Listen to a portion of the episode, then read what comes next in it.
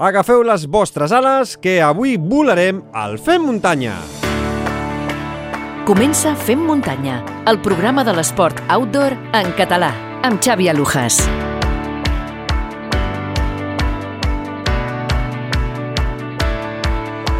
Com esteu, Fem Muntanyeros i Fem Muntanyeres? Benvinguts al capítol 91 del Fem Muntanya, el podcast dels esports outdoor i en català. Moltes gràcies a tots per haver-nos triat un dia més. Comencem un Fem Muntanya intens i amb converses d'aquelles que donen sentit a aquest podcast. De seguida us repasso el menú, però recordeu que al llarg del programa d'avui hem de resoldre dos sortejos que vam començar a fa dues setmanes durant la conversa amb el Toni Font. Un és el de la camisa tècnica Flying Burrito a través d'Instagram i obert a tots els oients i seguidors, i el segon és el d'una inscripció pel Trail del Bisaure.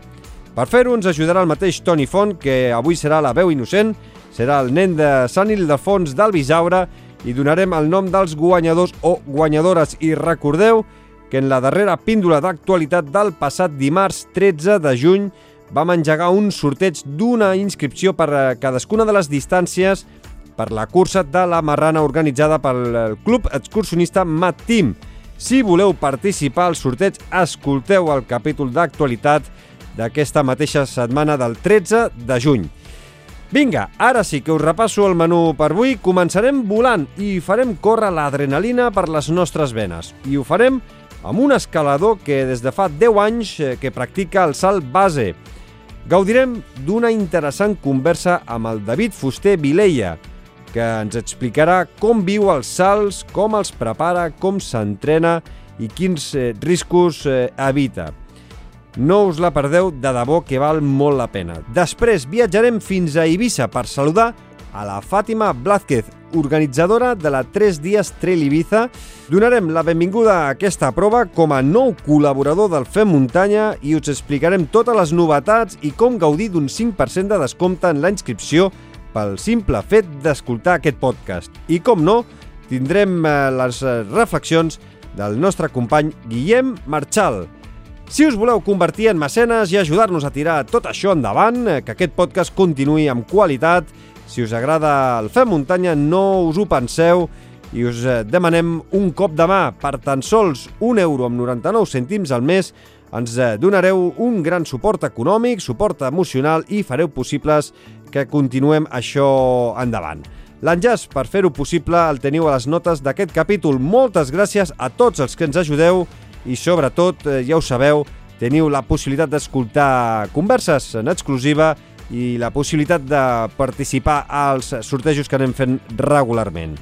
I si no us ve de gust eh, ser mecenes, però voleu també donar-nos un cop de mà, teniu dues maneres de fer-ho. La primera és comprant o regalant una espectacular camisa tècnica Flying Burrito.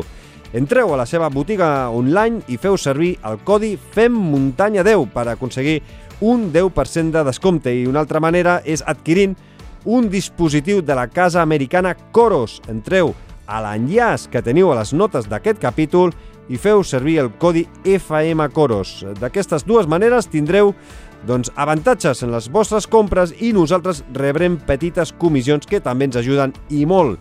I recordeu que ens trobareu a la nostra gran comunitat a Telegram on ens apleguem més de 300 oients i també a les nostres xarxes socials a Twitter i a Instagram.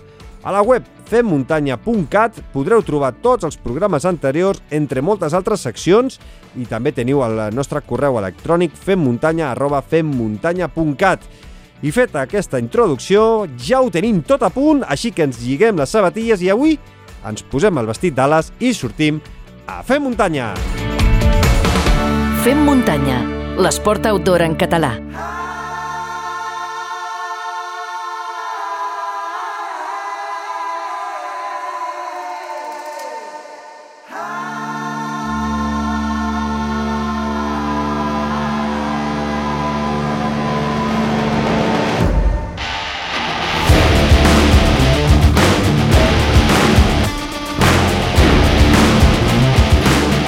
En la següent conversa unirem atenció a aquests aspectes, eh? muntanya, aventura, vol i sobretot adrenalina. El nostre proper convidat practica el salt base i li encanta fer-ho saltant des de cims i sobrevolar posteriorment doncs, muntanyes i boscos. David Fuster Vilella, benvingut al Fem Muntanya. Hola, benvingut, encantat. Eh, escolta, eh, perquè la gent que, que no et conegui, eh, ara posarem l'enllaç eh, del teu Instagram eh, a les notes del capítol perquè vegin, eh, abans de la conversa, si volen fer un, una pausa i que vegin algun vídeo, perquè així entendran de què és el que parlarem. Però diguéssim que, eh, fent un resum molt, molt, molt ràpid, puges una cresta, puges dalt d'un cim, i després eh, t'hi llences amb un traje eh, amb ales.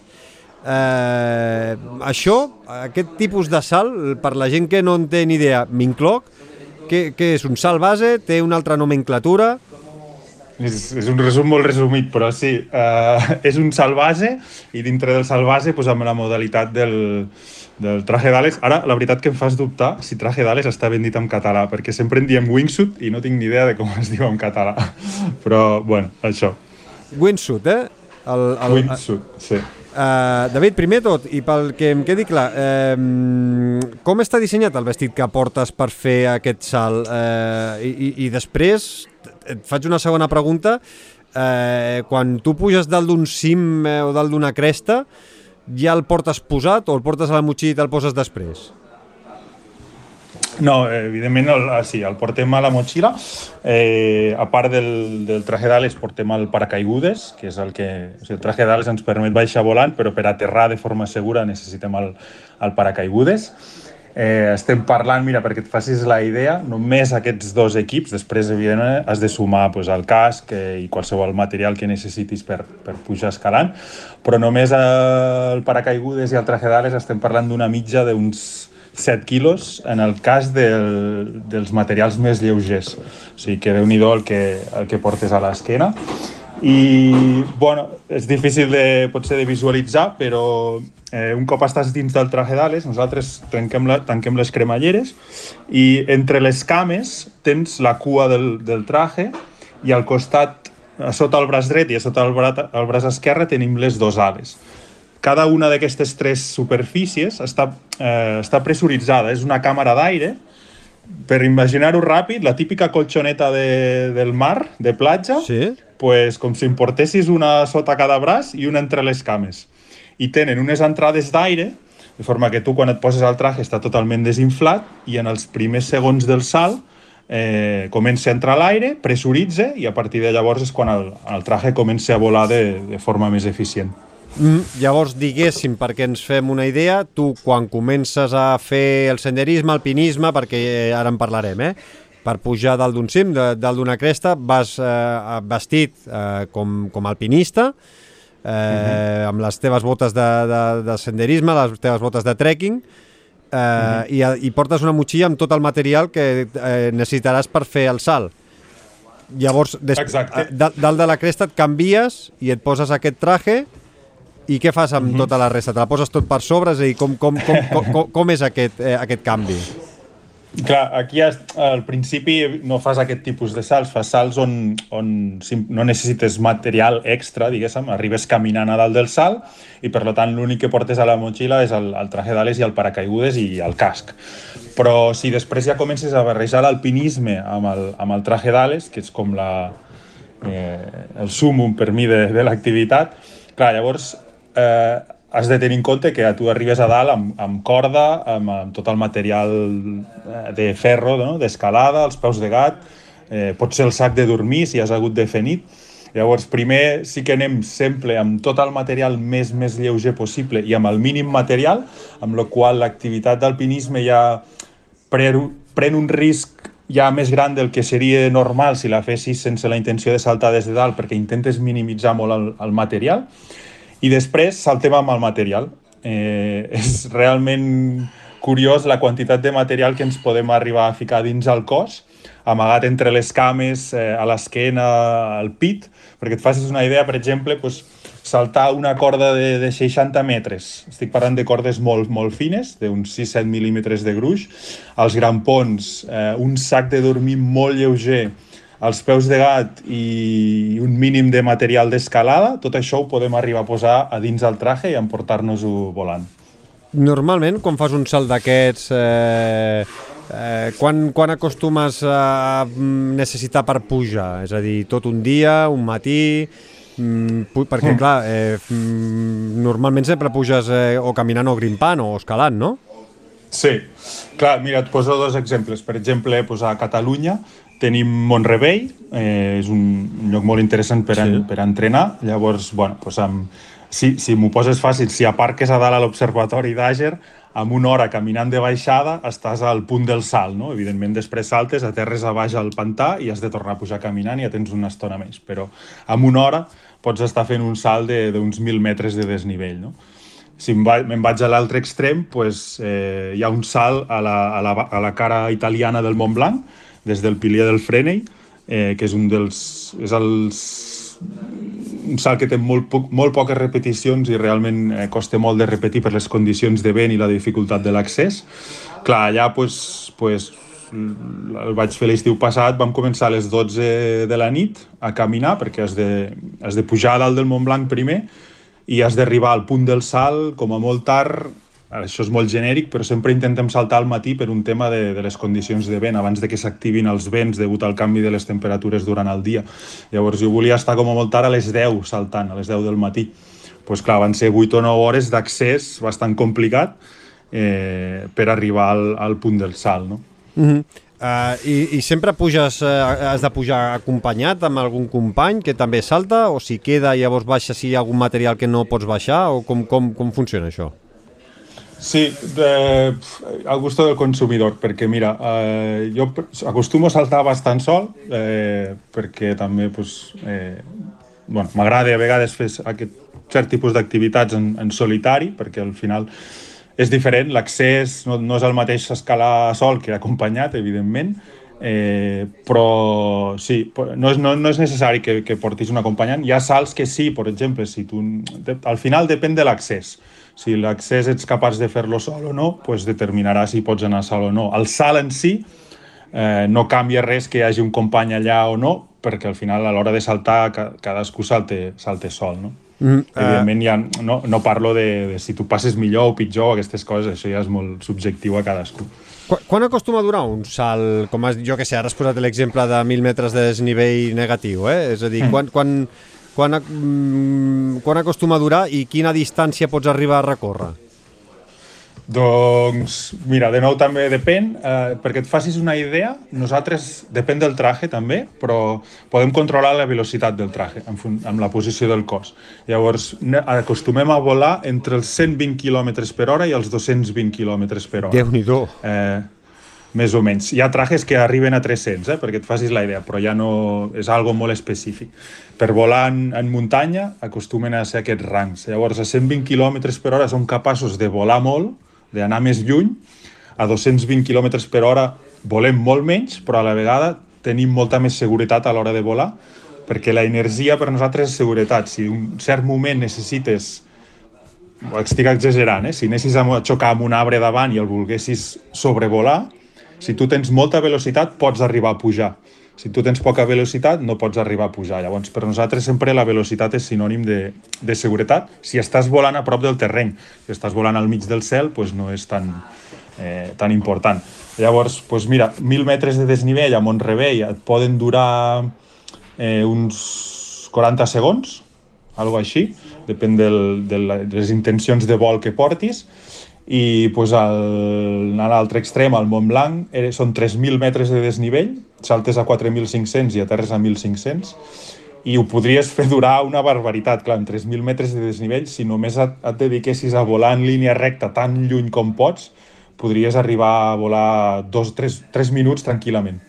Eh, en el cas del Mont Blanc, jo el que vaig fer va ser seguir tota la, tota l'aresta de, eh, de Peterell, que la pots anar sobrevolant tota, llavors estàs realment atacant l'aresta i no volant a lo màxim que podria volar el traje, per tant estàs anant molt més ràpid del que podries anar i, i acaba sortint un vol de dos minuts tranquil·lament, que ja és moltíssim. Eh? Estem parlant d'un dels vols amb més desnivell que hi ha, que hi ha al planeta. Vaja.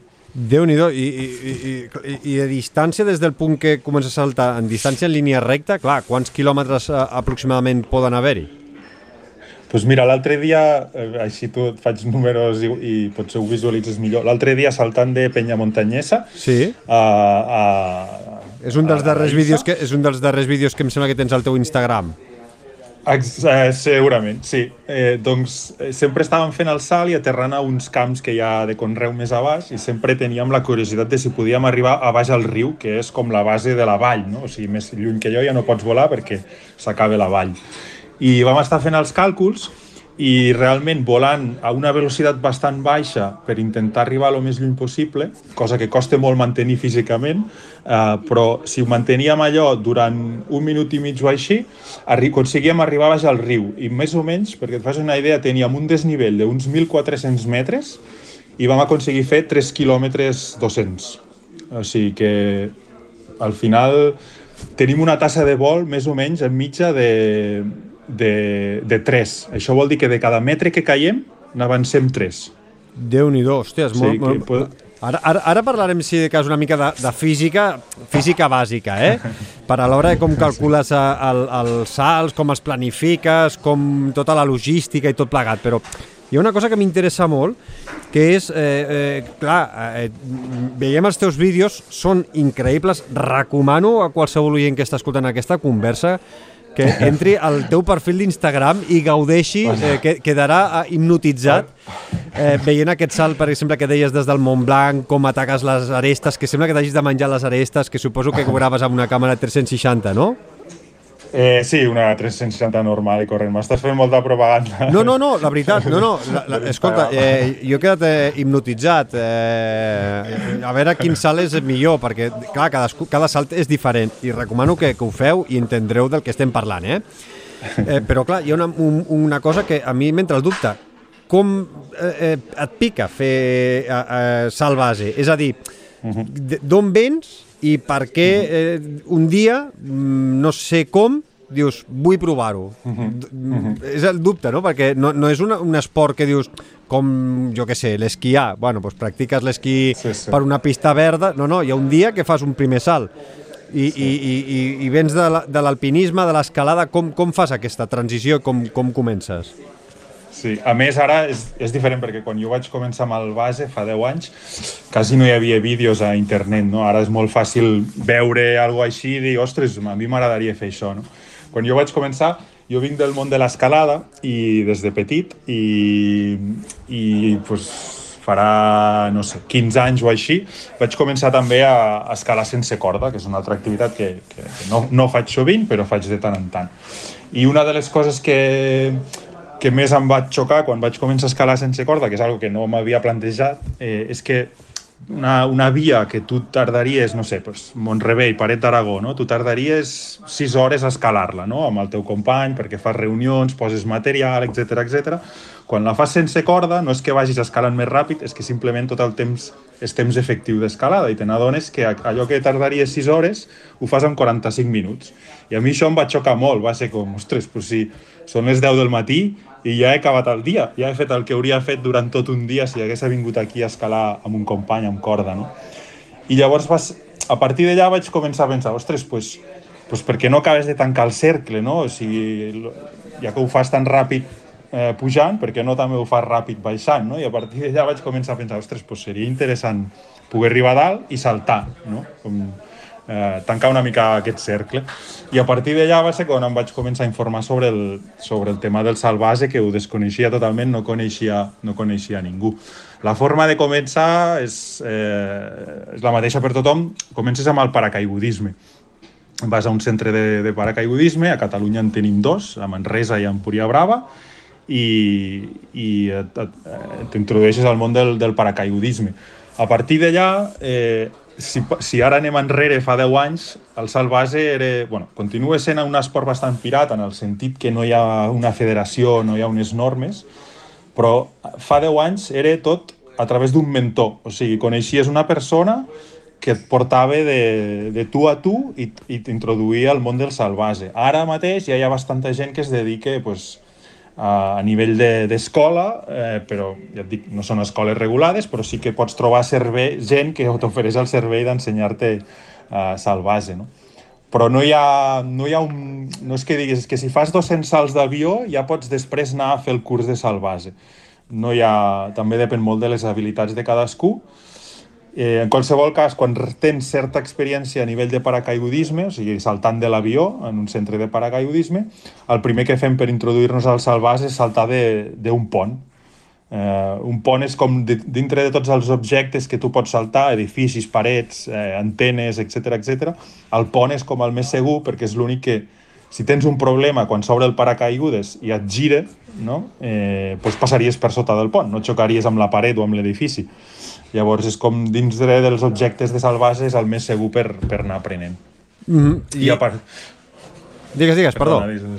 No, dic, i a partir d'allà vas eh, sumant salts eh, amb, amb parets més altes i més desplomades, intentant-ho fer el més segur possible, eh, fins que un dia dius, ah, m'agradaria provar això del, del traje d'ales, no? Pues tornes a l'avió i fas tot el procés del traje d'ales a l'avió fins que ja tens prou nivell com per, portar, per portar-lo a, a la paret. No? O sigui, és, sempre va de la mà del, del paracaigudisme. És una mica com el, com el rocòdrom amb l'escalada. Mm. Diguéssim, diguéssim que el primer salt amb, amb, amb ales eh, ho vas fer eh, en un avió, no vas, eh, el primer salt amb ales no el vas fer amb, amb una roca, amb una muntanya. Exacte, exacte. I no, no, ningú t'ho prohibiria, és a dir, tu pots anar, tu pots comprar un traje de bales per internet, anar a una roca i tirar-te. Serà l'últim que faràs, però... sí, sí, sense experiència sí. Sí, sí, I, però, però, però és així, o sigui, no hi ha... Ningú et dirà quants salts d'avió has de fer per tu poder anar i saltar de la paret, saps? I llavors, bueno, és un tema... Jo tinc centenars de salts d'avió, però hi, ha, hi, ha, hi haurà gent que en té milers i hi haurà gent que en té menys i al final també depèn de, de, de la teva personalitat, de lo segur que tu vulguis fer abans d'anar a la paret i de les teves habilitats, no? perquè al final doncs, no tothom requereix el, el mateix número de salts per arribar al mateix nivell. I recordes on va ser el teu primer salt a males, eh, fora d'un avió? Sí, sí, és, és fàcil de recordar perquè a més és pel 90% dels saltadors tenim una paret a, a Arco, a Itàlia, allà al lago di Garda, que és, és el Monte Brento, i és una de les parets més altes i més desplomades del món. Llavors és un lloc increïble i perfecte per començar amb el salvase, perquè és, o sigui, no hi ha paret més segura que aquella per, per saltar. Llavors, és, és, de fet, ja és tan segur que hi va tanta gent, hi ha tants saltadors base cada dia, que inclús s'han establert normes i un bus, un autobús que et porta a dalt eh, només per saltadors base, perquè és que cada dia es fan una mitja de igual 40 salts. I recordes què és el, el que et va passar pel cap el, el primer dia que vas saltar? De... Sí, que re... sí que recordo el primer dia que vaig saltar, però el primer salvàs, és a dir, des del pont. Sí. I, va, I vaig pensar, què fas aquí? Això és com suïcidar-te, però de forma controlada. Això és el que vaig pensar. Eh, després vaig pensar, ostres, però això serà molt guai quan escali sense corda i puguis arribar dalt i saltar i va ser com, va, intenta una mica més, a veure si no et sembla tan, tan surrealista, perquè realment arribes allà a un pont, a l'autopista, un pont de 140 metres, o sigui que tampoc estem parlant d'algo superalt. I clar, la sensació de, de passar, saltar la, passar l'altre costat del pont i, i tirar-te no, al principi no és molt natural. Quina ha de ser l'alçada la, mínima per fer un salt base? Pues mira, jo el més baix que he saltat són eh, 39 metres. Eh, 39 o 37, ara no me'n recordo. Però realment pots arribar a saltar coses molt, molt baixes. I, i, amb el, o sigui, i saltes a eh, un edifici, per exemple, de 30 metres eh, amb, amb, amb, el, amb el traje d'ales i després no, amb el paracaigudes no, o, o només amb el paracaigudes?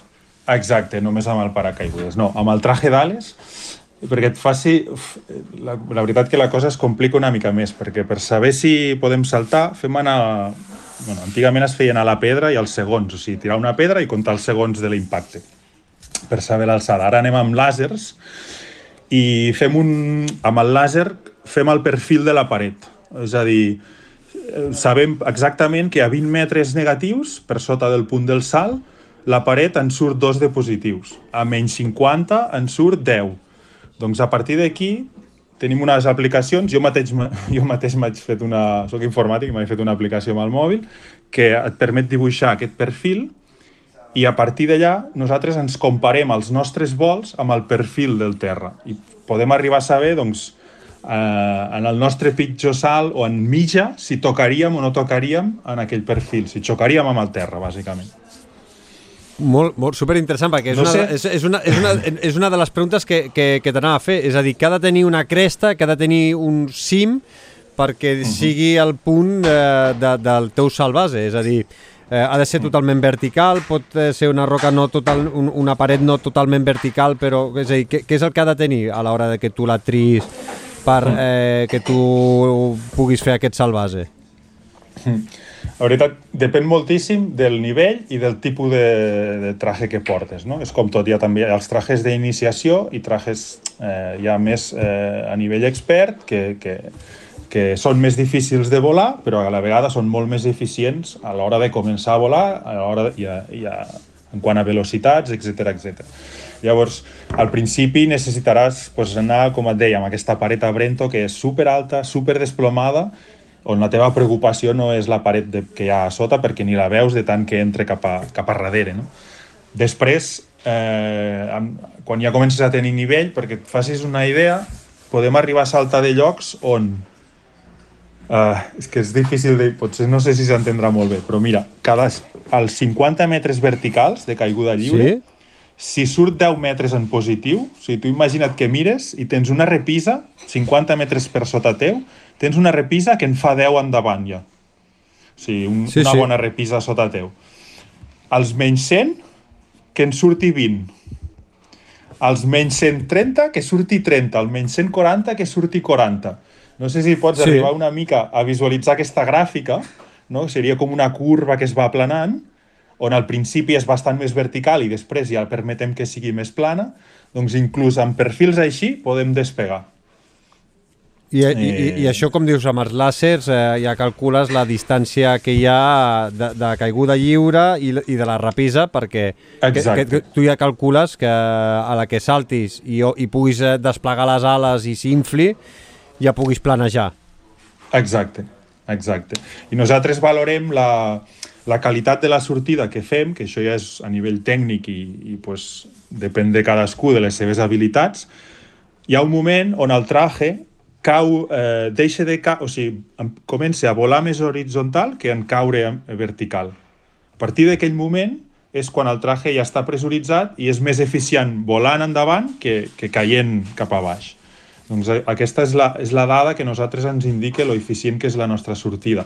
Llavors, en, en mitja, solem estar als 200 metres. És a dir, a partir dels 200 metres de caiguda vertical, nosaltres ja anem avançat 200. I a partir d'allà, volem més que caiem. Mm -hmm. Escolta, el, clar, eh, suposo que ets conscient, m'imagino, que eh, el risc de- d'accident és molt alt i un accident eh, eh, eh, és, és molt fàcil que sigui fatídic. Uh, quines mesures de seguretat uh, prens? Uh, a part de, de calcular, evidentment, evidentment des d'on saltes, tu en el moment que estàs uh, en ple vol, eh, com tens eh, calculat l'alçada a la qual tu vols aterrar, a la qual tu has d'obrir el paracaigudes? I com funciona tot el sistema de seguretat perquè el salt acabi bé? Doncs mira, el sistema de seguretat més gran que tenim és, és el de sempre fes un pas enrere. Aquest és l'únic que tenim en realitat, perquè no, hi ha, no tenim, en el salt base no hi ha ordenadors o indicacions durant el vol, és tot a nivell de sensacions i visual. Oblim, nosaltres obrim el paracaigudes en funció de la nostra visual respecte al terra, que és algo que s'aprèn. Eh, sabem la velocitat a la que estem volant en funció de les sensacions que tens, el vent a la cara, etc, el seroll que sents a les orelles. Sí que hi ha alguns aparells eh, que et permeten indicar, però estàs tan centrat en el que estàs fent que és difícil que en aquell moment puguis estar per, per dades externes a tu. Llavors, eh, en aquest sentit, tu fas tot el que pots abans del salt, és a dir, controlar la meteorologia, eh, analitzar el, el salt, analitzar l'aterratge, eh, etc etc. Però un cop saltes, no, no, no és que tinguem un mecanisme allà que ens avisi de si algo va bé o malament. No teniu cap alarma, de- de diguéssim, que quan, quan no, no tens cap alarma que t'avisi i un rellotge, una alarma que et digui a partir de tal alçada obre sí o sí el paracaigudes perquè a partir d'aquest punt és crític, això no, no, no ho dueu. No, nosaltres eh, eh, sabem les dades, jo, eh, és a dir, jo sé que, per exemple, a mi m'agrada obrir a 200 metres de terra com a molt baix. Eh, però és algo visual que que acaba sent... O sigui, visualment sé quan són 200 metres, però no, no és que m'ho estigui dient un, un sistema. No? Mm, I en el moment aquest, ara que deies, no, d'obrir paracaigudes, eh, ja saps que diguéssim que tot el perill ha passat o, o, o encara hi ha un risc de que passi qualsevol cosa que no controlada? No, sí, hi ha risc fins, al, fins que toques amb, de peus a terra, perquè doncs, comences amb, amb el màxim risc, que és el moment de, de separar-te de la paret, l'impuls inicial, Eh, hi ha molta tècnica i molta sensibilitat corporal en aquells segons inicials del, del vol, on el traje encara no està pressuritzat. Després tens tot el vol, que aquí ja depèn de tu el, el que et vulguis posar en risc o no. Al final tot es resumeix en quant de prop vulguis volar, a prop dels arbres o del terra. I després l'obertura, eh, has d'estar molt atent en qualsevol malfunció que puguis tenir. El, el paracaigudes no té per què obrir-se perfecte, pot tenir alguna, alguna malfunció, n'hi ha de més greus que d'altres. Totes tenen explicació, però som humans i els errors poden, poden passar, llavors tot, també totes tenen solució i simplement per això interessa obrir alt, amb marge des del terra, perquè si hi ha una malfunció d'obertura del paracaigudes tinguin temps de solucionar-la. I després tampoc acabes de quedar del tot relaxat fins que no toques de peus a terra i fas bé el tràfic i aterres, aterres correctament. No, no sempre tenim un prat verd perfecte per, per aterrar. No? Mm. A l'hora de buscar un salt, eh, com deies, no? calcules la, la caiguda lliure, les repises, eh, que el salt puguis tenir temps de, de poder doncs, allunyar-te de, la, de la paret però eh, com planifiques un salt? És a dir, què és el que busques? Busques a, a un, que hi hagin boscos més o menys a prop per poder doncs, estar més a prop? Busques que hi hagin, doncs, eh, com el que deies d'aquesta de, de la cara sud del Mont Blanc, doncs poder, doncs, com dir-ho, no? Eh, torejar les, les arestes que, que vas tenint pel mig. Eh, què, què és el que tu busques a l'hora de... o què és el que més et motiva a l'hora de fer un salt? Uh. -huh.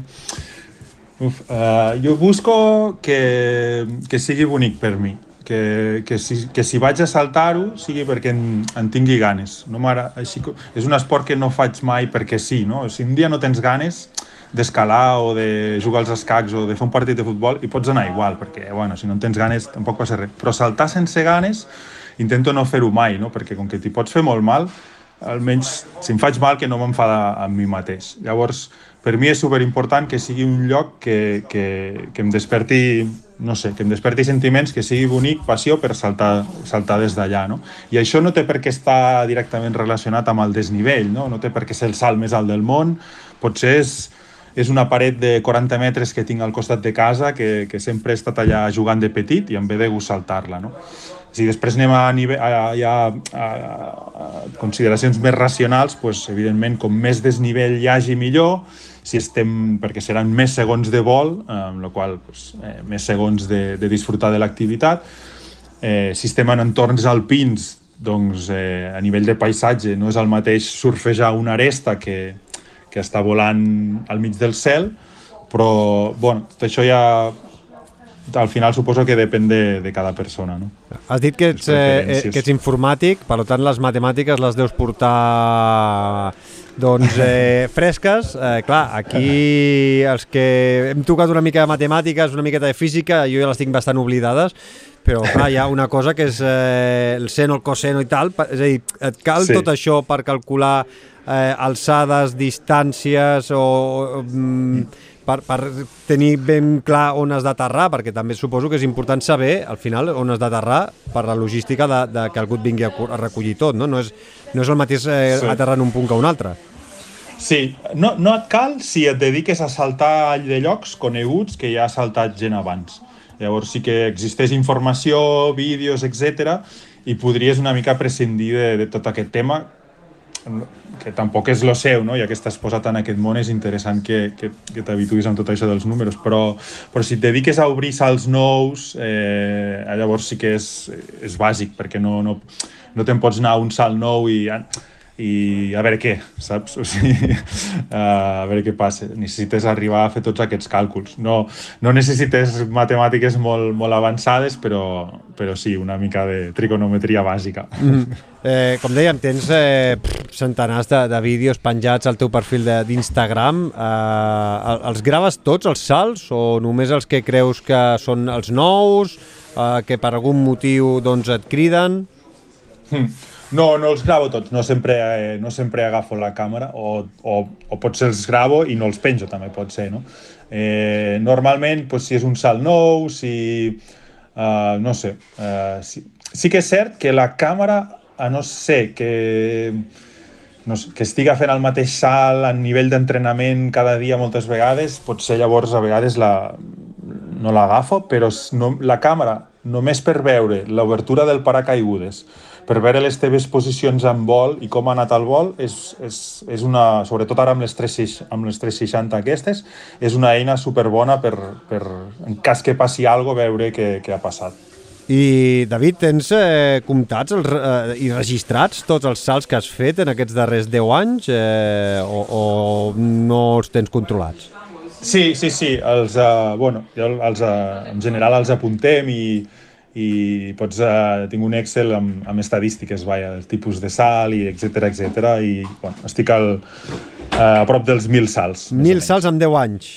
Sí. Això surten eh, uns eh, 100 salts a l'any. Sí, sí, exacte. Això vol exacte. dir que gairebé eh, cada quan saltes? Vull dir, 100 salts pues fa, vol dir... Fas uns, sí, un parell, dos, dos salts i mig per setmana.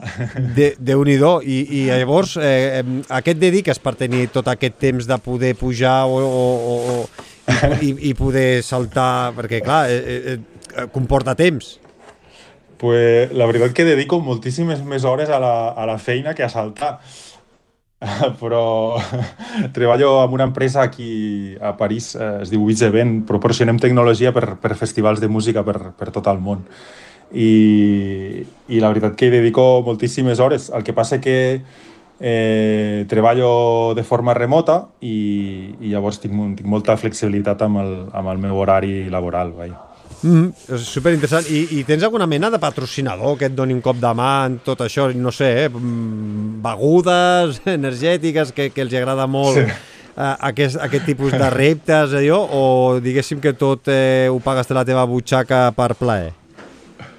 Pues mira, jo eh, vinc de l'escalada i ja vam estar, ara fa uns anys vam, vam crear un, vam fer un documental sobre l'escalada sense corda i, i, i, i tinc a d'esponsor. De, jo sempre faig la broma que els dic que, és, que són els meus amics més que el meu sponsor, perquè jo és que no, no sé què els hi aporto, que ells em vulguin continuar ajudant a mi, no? sobretot en el món de l'escalada, on jo no, no sóc pas un escalada professional ni molt menys. Però, però bueno, no sé, suposo que els hi caig bé a l'Enric i companyia i, i m'ajuden amb, amb el material, sí. Mm.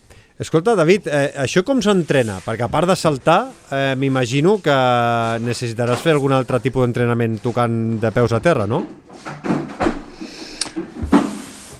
La veritat que és una activitat molt física, la, no ho sembla, però volar al traje d'ales és molt per, físic. Per, per, això, per això t'ho pregunto, però... per això t'ho pregunto, perquè no sé quina... Ara, mm. sí, ara parlarem de les sensacions que, que són quan voles, eh? però m'imagino que una és l'escalada i l'alpinisme i, i el senderisme, depenent on vagis a saltar, que això doncs mm-hmm. s'agafa amb els anys, eh, ja vens de l'escalada, ja saps el que és caminar per la muntanya i escalar, però clar, en el moment del vol, aquells 40 segons o aquells 3 minuts de vol, eh, m'imagino que necessitaràs un tipus de, de força, vull dir que s'ha de practicar, s'ha d'entrenar, no?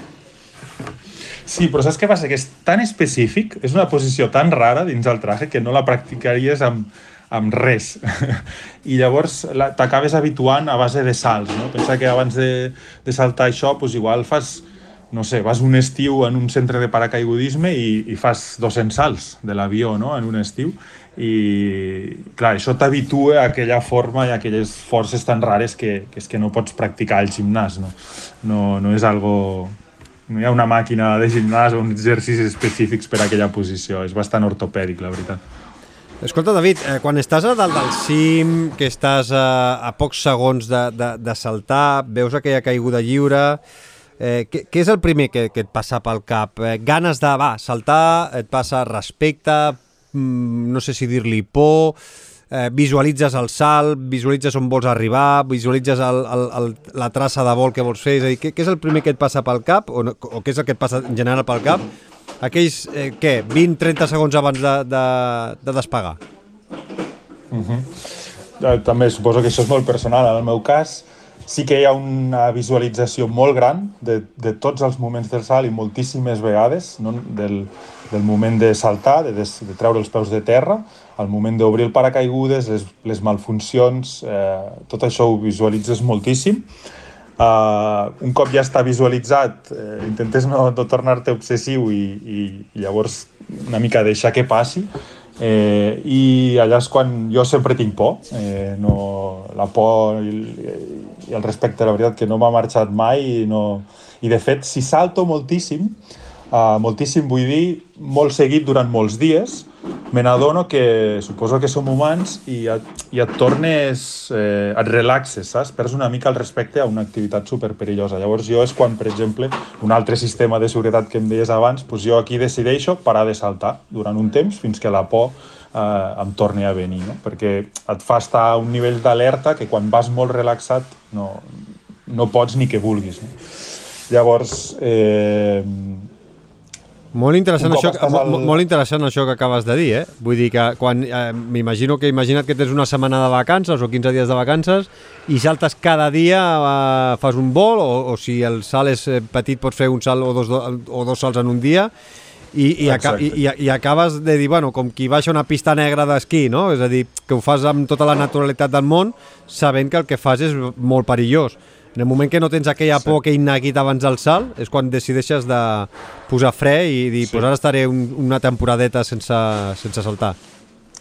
Sí, o que igual és simplement dos dies de break o canviar de salt, però, i, i ho dic així, però no és tan fàcil d'aconseguir, eh? perquè pensa que les sensacions ton, són tan increïbles que... Genera addicció. Que una mica... Sí, sí. Una, o sigui, no és que sigui addicció en plan, ostres, avui necessito saltar, però un cop estàs allà vols saltar, saps? Perquè sí, però no sé si és addicció o és el que és, però, però tu recordes aquelles sensacions tan bones que, que et dona el salt i, i en vols més, no? Llavors, en certs moments decidir, doncs avui, encara que faci bo i tots els meus amics vagin a saltar, jo no salto perquè avui no ho sento, costa, o sigui, necessites també arribar bueno, almenys a mi, o sigui, al principi em, em costava no? acceptar-me de mi mateix aquests, aquest tipus de, de decisions. Hi ha gent que, de nou, això és superpersonal, eh? vull dir que hi ha gent que no, no ho veu així i saltaran sempre, encara que no, aquell dia no estiguin molt per la labor, o sigui que al final estem parlant de mi i no de l'esport en general. Vai. I en algun moment, eh, algun dia, eh, has eh, fet tota l'escalada, has passat X hores caminant, escalant eh, per preparar-te i o per condicions meteorològiques o perquè no has tingut tu la, aquella sensació que necessites tenir de confiança i dius avui no és un dia idoni, no em veig capaç i, i has reculat? Sí, Sí, sí. Si no tinc la sensació, ja no començo a caminar, perquè però bueno, són que moltes imagine, hores amb molt de pes. Però que tu arribis a dalt pensant de que, que, que hi saltaràs i pel motiu que sigui, doncs no sé, has vist que eh, les, o les condicions meteorològiques no t'acaben mm. d'afavorir o que simplement has arribat a dalt més cansat del que tu havies, de pens havies pensat que arribaries o directament has arribat a dalt i no t'has trobat del tot fi o has trobat més que la por t'ha frenat a temps i he dit, no, no, sí, reculo sí, i sí, torno sí. per on he vingut i no salto. T'ha passat? Sí, sí, sí, sí, i tant. A, a nivell de meteo, eh, la veritat que, clar, després de 10 anys calculant cada salt la meteo, si puc saltar o no, la veritat que un aprèn bastant i, i ara pues, amb bastanta certesa sé si he d'anar a saltar o no. I si estem parlant de salts alpins on l'aproximació ja és compromesa de per si i baixar sense saltar seria encara més compromès perquè pugem amb el mínim material, no és que vagis amb dos cordes i puguis rapelar tranquil·lament. Llavors, o sigui, aquest tipus de salts, si la meta no és perfecta, no hi vaig. Però després també m'he trobat doncs, amb situacions de molt cansament al salt. La última, per exemple, la, a la Nua de Peterell, eh, vaig anar jo sol, són 2.500 metres de desnivell, eh, per, bueno, que no té per què ser molt, o sigui, això ja depèn de cadascú, però amb el pes, pel que sigui, jo vaig arribar molt cansat a dalt. I, i la veritat que vaig haver de parar una, una hora, fer estiraments perquè se m'enrampaven els quàdriceps i volant anem amb els quàdriceps i els bessons super, o sigui, van a full, van molt tensats dins del traje. Pots volar, pots relaxar, però el traje deix per eficiència i cauries cap a baix. Llavors, eh, clar, no vols saltar i que t'entrin rampes a, a mig vol. Eh, llavors, bueno, totes, eh, totes aquestes coses pues, també s'han de tenir molt en compte i podrien fer que, que, que no saltessis. Si el, si el dia és bo, pues et pots permetre esperar una hora i potser pots saltar al cap d'una hora. No? Si estàs ja a sobre i has sumat que la meteo no és bona, igual al cap d'una hora han entrat els núvols, ha entrat el vent i ja no pots saltar. No? Llavors seria moltes, com, com, moltes variables.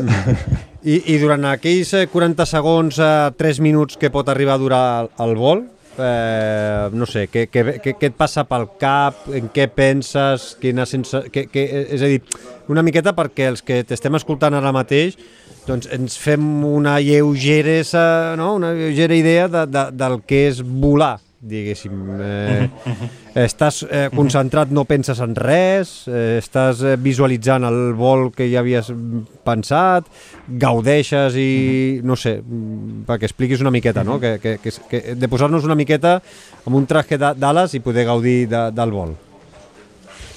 Doncs mira, jo sempre he pensat que l'única forma que hi ha en aquest món de parar el temps és pensar al base. I és perquè uh, fas jo estic parlant, potser fas un salt de dos segons sense traje d'ales o un salt d'un minut amb traje d'ales, però ja siguin els dos segons o aquest minut, arribes a terra i tens la sensació que ha passat una, una eternitat, no? Llavors, jo crec que es deu, ja a nivell racional, no sé, es deu a que tens els sentits tan oberts en aquell moment que, que estàs sentint totes les coses multiplicades, multiplicades per mil, no? Llavors, a nivell de, de sensació, amb el traje d'ales, eh, si només pensem en la sensació física, perquè tu puguis imaginar, és, estàs, tens un ventilador gegant a la cara, no?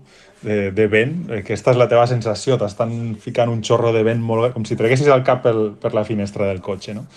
I el que passa que, clar, estàs, estàs surfejant el terreny i aquí ja entra també lo, lo a prop que tu et vulguis apropar del terreny. No és el mateix volar pel mig del cel, a nivell de sensacions, que volar a 20 metres del terra. Encara que portis la mateixa velocitat, tu tens una referència, que són els arbres que els estàs veient passar a 200 per hora, i això incrementa les teves sensacions eh, molt més que si estàs fent el mateix 300 metres per sobre dels arbres. No? Per això la gent té tendència doncs, a, a apropar-se al terreny perquè a nivell de sensacions tot, tot es multiplica per mi, en aquell moment, és, és com un moment de màxima concentració. És, eh, tot depèn de lo a prop que vagis del terra, però tampoc és que són, siguin moments de mira que bonica aquella casa o mira que bonica aquell arbre. No? Estàs molt concentrat en la línia que tu estàs volant. L'explosió més gran ve quan, quan has aterrat no? i te n'adones visualment tens una imatge mental d'una cosa superbonica que, que acabes de fer. Mira, és que ara Ai, perdó, és que m'emociono només de, de, de pensar i em cau la, la llàgrima. Eh, doncs això, no sé, no sé si, si he pogut transmetre sí, sí. una mica el què. És difícil de posar no, paraules, no, no. la veritat. I, i, I quan aterres i toques amb els peus a terra, eh, tens la sensació de que has fet alguna cosa gran, extraordinària, que has, eh, o sigui, que has salvat un, un, un perill que, que, has, eh, o sigui, que has esquivat la mort, i tens tota aquesta sensació de, de ganes de, de compartir-ho o, o no, o acabes i dius, ja està, demà si tinc ganes tornaré a pujar i ja està. Eh, no, la veritat que la, el, el xuter pot, al, al final també depèn del salt i com hagi anat i tal, pot arribar a durar molts dies, no? Aquelles sensació de flotar de, de felicitat et pot arribar a durar molts dies. També pot ser que facis un salt i que en 5 minuts te n'hagis oblidat. Eh? Al final, ja et dic, depèn del salt i de, de lo, no sé, potser de lo sensible que tu estiguis a, a, aquell dia. No? Sensació de quasi moro, eh, no, a no ser que hagi sigut el cas. Eh, amb la qual m'ha passat un cop i és és desagradable, o sigui, no és una sensació que busquis, almenys jo no... O sigui, si passa això és perquè has comès un error i, i, i, i bueno, per res del món vull, vull tornar a repetir alguna cosa així. I, I quan va passar això? Què, què, què, és el que va passar en aquesta mala experiència en la qual doncs, eh, vas estar a punt de, de patir un accident? Pues, bueno, primer eh, igual, perquè igual això ho sentiran els meus pares, dic, deixa-m'ho arreglar una mica. no, però no... No els no. hi passis l'enllaç. Que tothom escolti el, el capítol, menys... Eh, eh, no els hi passis l'enllaç als teus pares. No, no tampoc... Ta, no, eh, vaig a corregir-ho, però és veritat. No va ser en plan, ostres, que, que l'he liat, quasi tinc un accident. No, va ser simplement una sensació meva de que m'estava posant a un, a un lloc eh, massa complicat per mi on per uns determinats instants davant meu tenia terreny, és a dir, la meva trajectòria de vol, si jo continuava amb aquella mateixa tassa de vol, acabava, acabava xocant contra el terra. El que passa que estàvem anant amb moltíssima velocitat, amb molta energia, i és algo normal, o sigui, tu pots arribar a posar-te en aquesta situació així perquè pots després canviar la tassa de vol, volar ja no dic pujar cap a dalt, simplement canviar la tessa de vol per volar una mica més i esquivar aquell objecte que tens davant. El problema és que jo no, no acostumo a anar tan a prop del terra com per arribar-me a, a trobar una situació així. De fet, no, no ho faig mai, no és el meu estil de vol. Llavors, el que passa és que aquell dia em vaig posar a seguir un amic que sí que eh, li agrada molt pues, volar eh, esquivant arbres, no? cadascú té les seves preferències i jo el vaig voler seguir per gravar-lo, és a dir, simplement eh, volar, intentar volar 20 metres per sobre seu tot el rato eh, per poder-lo gravar. Però això em va portar involuntàriament, sense jo voler, en aquesta situació on de cop estàvem dins d'un un, engorjat, una canal molt estreta, i estàvem amb, amb parets a banda i banda durant un cert segon de temps, no? I jo em vaig trobar allà dins i, clar, ho vaig veure tot tan a prop que vaig pensar, però, però què estàs fent aquí dins, saps? I, i no, després, de vist des de fora, o sigui, perquè et facis una idea, el meu company anava 20 metres sota meu, o sigui, encara anava molt més a prop de, del terra, no? Però jo, que no estic acostumat i que no és algo que m'agrada, doncs eh, vaig tenir la sensació que, que, que, que, que, que xocava, vaja. Va, i Però... suposo que, que d'aquestes experiències també aprens a valorar més el risc i saber on eh, vols apropar-te o no vols apropar-te. Sí, sí, són estils i, i crec, no sé, la meva experiència em diu que va molt amb les personalitats de cadascú, no? Perquè al final, o sigui, una cosa és que t'agradi fer coses de molt risc, l'altra és fins on vols portar aquest risc o si vols creuar la línia entre el risc i la temeritat, no? que per mi aquesta és la, és la base que jo no, no vull creuar mai. I Llavors hi ha gent que, bueno, pues, pel que sigui, eh, té aquesta necessitat d'apropar-se molt al terreny. Jo no la tinc, ho faig de tant en tant, ho faig en, en ocasions, però no sé, no sé, és, per mi és com... Saps què passa? Que les estadístiques des de, des de fa anys ens ensenyen ja que, que, que si cada, cada dia, cada vol, vas esquivant arbres, tard o d'hora la cagues perquè som humans i cagar-la és, és, és sinònim de... és molt greu, no? Uh mhm. -huh. Llavors, com que les estadístiques estan allà i jo tinc, no sé, pues aquesta actitud pot ser més conservadora, pues, pues ja no, ja no m'hi poso. Però això no vol dir que no puga tenir un accident, el puc no, tenir no, patinant eh, sí, sí. de mil altres maneres, no? Simplement, pues, per mi és un, un passet enrere, no? a nivell de sensacions no necessito anar tan a prop, i, i, bueno, i és suficient per mi, però, però també pues, valoro molt la gent que, que sí, que decideix anar sempre esquivant arbres perquè és la, seva, és la seva decisió i al final simplement has de ser conscient de, del que estàs fent i del perill, del perill que té. No? El millor, el, millor el, no salt, fer... el millor salt és aquell que et permet eh, tornar a saltar l'endemà. Exacte, jo sempre, sempre els dic als meus amics, dic, jo no vull saltar molt, o sigui, en plan, moltes vegades cada dia. Jo el que vull és saltar tota la vida. Si, mm. si vaig saltant tranquil·lament, però arribo a saltar durant molts anys, doncs això m'omple més. Sí. M'imagino que l'adrenalina, vull dir, el xute d'adrenalina el tens eh, gairebé en tots els salts. Difícilment tindràs un salt a la qual no tinguis cap xute d'adrenalina eh, perquè no t'has posat en risc, eh, no? Eh, sí, sí, sí, inclús en el salt més, més senzill al final estàs saltant d'un precipici amb un, amb amb un traje d'ales que et té lligat de mans i peus, que no, no et permet tenir gaire mobilitat, i, i això és, bueno, l'adrenalina sempre, sempre hi és, sí.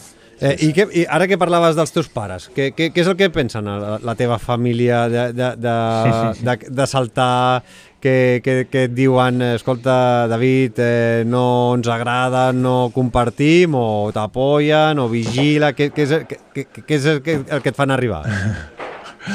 doncs la veritat que eh, em sorprenen moltíssim els meus pares, no? perquè és cert que potser d'alguna forma els he anat acostumant, perquè ja no és només des del, del salvatge, no? sinó ja des de, des de més petit, pues, escalar sense corda, eh, vull dir que ja una mica el patiment, pobres, ja, ja ve de bastant abans. Eh, amb el tema del salvatge, pues, pues, malauradament, eh, amb, amb els últims anys he perdut diversos amics, per tant, ells això, ells això ho, han, ho han compartit amb mi i han vist pues, lo, lo malament que va passant no? en aquestes ocasions i, i, i em sorprèn sempre la seva reacció de que ells o sigui, mai han reaccionat dient ostres, és que hauries de deixar de saltar o, o no sé, o sigui, mai han, han intentat treure'm del cap aquestes activitats, no? Tot al contrari, ells accepten doncs mira, que això és una, una part de, de la meva vida i, i saben els riscos que comporta perquè ho han vist amb, amb, amb amics meus i, però tot i així pues, pues no sé. Pues amb... Veu, I veuen els vídeos que, que, que graves i que penges? Els ensenyes? Sí, sí, sí, posen, posen cors a Instagram, sí, sí. Ah, va, bueno, això, això vol dir que els agrada. I que, veu, I que també és una, potser és la millor forma no, de, de que vegin quins riscos de normal prens. Sí, també em coneixen com a persona, no? Al final eh, és el que et deia abans, no? Per mi hi ha, un, hi ha una... Si tu et dibuixes una línia vertical així imaginària, no? a l'esquerra per mi hi ha el risc, i a la dreta hi ha la temeritat. I és com si et dic, eh, anar conduir a 300 km per hora i tu em dius, és de bojos, no? És el que et diu la gent, no? És que saltar és de bojos. Dic, bueno, a veure, conduir a 300 km per hora, si ho fas a dins de la ciutat, és una temeritat, és de bojos, però si ho fas en un circuit, doncs és, té molt risc, però ja no és una temeritat, no? Però és que no només això, si ho fas dins un circuit, si el pilot és un pilot professional, joder, és, és molt segur. Si el pilot sóc jo, que no tinc ni idea de conduir cotxes, doncs igual, inclús dins d'un circuit és una temeritat. Llavors, no pots, no pots agafar i dir és que saltar d'una paret és de bojos, no? no es pot generalitzar, tot depèn de, de l'actitud i, i com, ho, com, ho, com ho faci la persona. Llavors jo intento sempre quedar-me a, la costat del risc, no? Per això, no sé, jo tinc un sensor que m'avisa, no? Jo sé quan, quan estic fent alguna que és temerari perquè em sento malament fent-ho, no? Això no vol dir que no ho faci, algun cop m'ha passat, perquè no sé, aquí es barregen els egos, l'adrenalina i, i coses tòxiques, no? Però, però això no vol dir que, que no es puguis detectar tu si estàs al risc, al costat del risc o al costat de la temeritat. No? Mm. I el mateix amb l'experiència, tu aquest risc, aquesta línia vertical, amb l'experiència la vas empenyent, no? I el que avui és temerari, demà tindrà uns coneixements i faran que ja no sigui temerari, simplement arriscant, no? Que és molt, molt relatiu tot plegat. Vaja. Eh, vaig acabant, David. Eh, explica'm el, el, el lloc, eh, potser l'indret eh, més espectacular on has fet un salt, aquell que recordes eh, doncs no sé, perquè el salt va ser perfecte, doncs perquè el lloc en si va ser espectacular, eh, és a dir, aquí que guardes millor un millor record, eh, quin, quin va ser? Pues el del Freney, el, el del Freney al Montblanc, per tot el, el que comporta. És un salt que va obrir el Tancret l'any 2016 i que, almenys per, per coneixement, no s'havia tornat a saltar mai més. Eh, és un salt que està a dalt, a 4.500 metres, i de molt difícil accés, al, perquè no és, o sigui, accedir al Mont Blanc és, és un 1% del que després et costa arribar al, al punt del salt. Llavors, i a nivell de condicions meteorològiques, en aquestes alçades, és també molt difícil trobar un dia que et permeti, que et permeti saltar no? per condicions.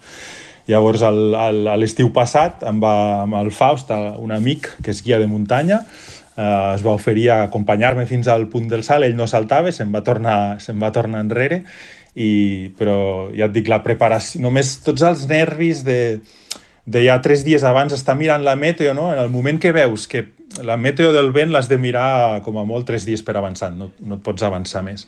En aquell moment ja veus que hi ha possibilitats de saltar, no? Tot el, ho portes al cap durant tres dies, eh, tot el, el que comporta arribar allà dalt i l'angoixa de saber si podràs saltar o no per les condicions, un cop saltes i s'obre el paracaigudes que l'explosió és, és tan gran també perquè et treus tant pes de sobre, tanta pressió que has portat dies abans que, que, que bueno, jo, ha sigut l'únic cop que, que em vaig posar a plorar com, com una madalena sota el paracaigudes. Eh, és el vídeo que tens eh, fixat al teu perfil d'Instagram.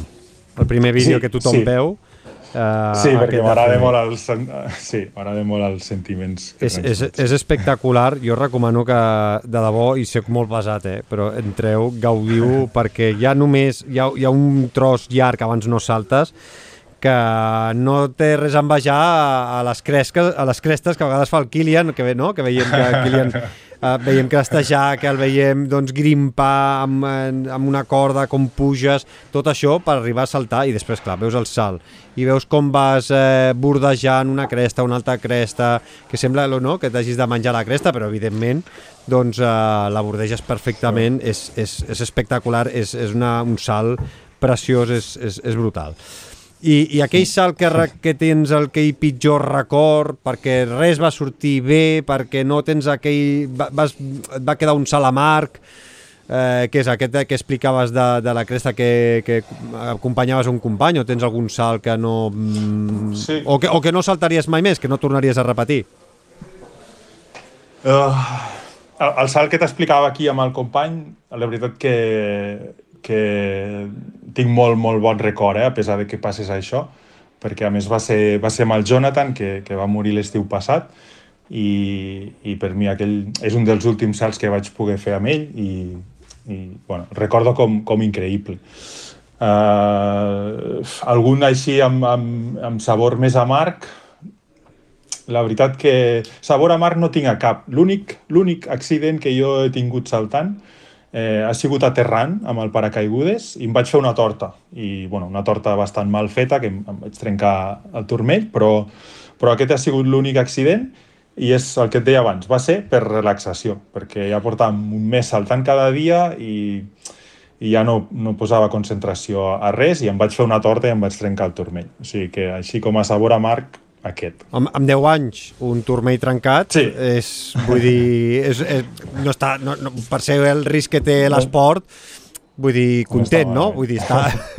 Sí. Millor no, que, que ni el turmell, però al final és el que dius, no? Quan no és un aterratge una mica complicat, és eh, alguna cosa que no puguis controlar, un gir de vent, no? Que a vegades et pot complicar l'aterratge, també. Sí, sí, sí. Al final els esports de l'aire, tots, no? El parapent, etc. pues, pues al final són molt fràgils els humans i, i anem per l'aire a moltes a grans velocitats, perquè inclús sota el paracaigudes vas a 30 km per hora, llavors a 30 km per hora xocar amb, amb una roca et fots fer molt mal, no? Llavors, bueno, els esports de l'aire, quan et fas mal, doncs et pots fer bastant mal, la veritat, sí. Eh, tens eh, projectes, idees de, de fer salts properament, allò que dius, m'encantaria anar a tal lloc a saltar? Eh, un somni on t'agradaria fer un salt? doncs molts, molts somnis, la veritat, perquè bueno, el, els Alps és el paraís, és el paraís a nivell de, de, de salts amb traje d'ales, llavors sí que tenim alguns viatges aquest estiu amb, amb un amic eh, per saltar pues, muntanyes així emblemàtiques com el, el Matterhorn, eh, Mira, ara te l'anava a preguntar, perquè jo crec que és la muntanya no? gairebé perfecta i, i potser ara em diràs no, aquesta serà difícil de saltar perquè sembla que tingui una caiguda lliure, potser no, però no, Matterhorn ara t'anava a preguntar si l'havies fet.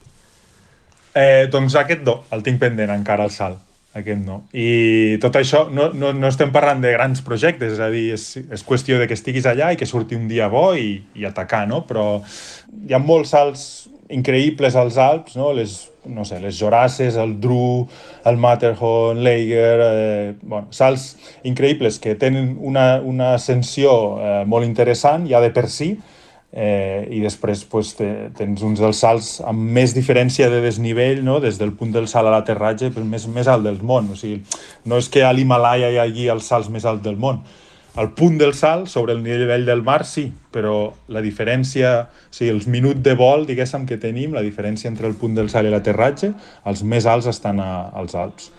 Doncs, escolta, que tant de bo que puguem gaudir com a mínim nosaltres des de casa, des de, amb els dos peus tocant a terra, puguem gaudir d'aquests eh, vídeos eh, espectaculars que, que fas, que continuïs gaudint de, del salt base, eh, sempre, amb, com dius tu, eh, sabent on tens el risc, on tens eh, la, el límit, eh, que puguis tornar a fer un salt l'endemà, Eh, I l'únic que et puc donar són les gràcies eh, per aquesta horeta de conversa i espero que, com a mínim, jo he après com funciona una mica més el, el, el salt base i si, escolta, hi ha algun oient que li ha picat el coquet, eh, també has donat les claus per sí. començar a practicar, no? Primer amb el paracaigudisme, primer salts eh, de, de, en avió i després, a poc a poc, anar introduint-se agafant experiència. Vull dir que has donat sí, les claus sí. per, per poder començar, si hi ha algun oient que li pica, que, que li ha creat l'atenció també. Si hi ha algun oient que, que està interessat, que m'escrigui sense cap problema, que, que estic encantat, perquè com més serem, més riurem no? amb aquest esport, som, és bastant minoritari. Doncs eh, David Fuster Vilella, moltíssimes, moltíssimes gràcies eh, per aquesta estoneta al Fem Muntanya i t'anirem seguint i el que he dit i ho torno a repetir, eh, no deixeu de visitar el eh, perfil d'Instagram del David, eh, perquè gaudireu i s'us farà curt i això que hi ha uns quants vídeos eh, per veure. Una abraçada, bon salt! Moltes gràcies a tu i a la Gés, m'ho he passat molt bé aquí parlant amb vosaltres. Espero que d'entre de tants números s'hagi entès una mica de què va, de què va tot plegat. Vaja. Jo crec que ha quedat bastant clar, com a mínim visualment eh, eh, ho, ho, hem, ho hem entès una miqueta. Cuida't, una abraçada, salut! Molt bé, salut, adéu. Busca'ns i subscriu-te a qualsevol de les principals plataformes de podcast. Spotify, Apple Podcast, iVox, Google Podcast i moltes més.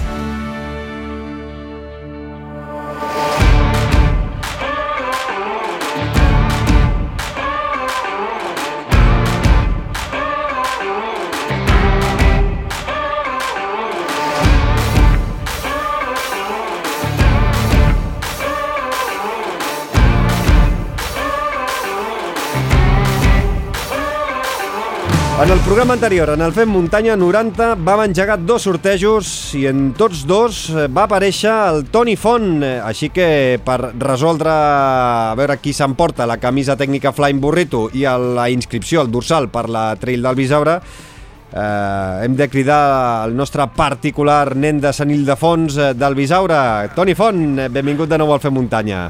Ei, què tal? Com va això? Bé, eh? em sembla que tindràs una mica de responsabilitat, eh, perquè, clar, eh, de tu depèn eh, per saber qui s'emporta aquesta camiseta eh, tècnica Flying Burrito espectacular i qui correrà el 14 d'octubre alguna de les distàncies del Trail del Bisaure.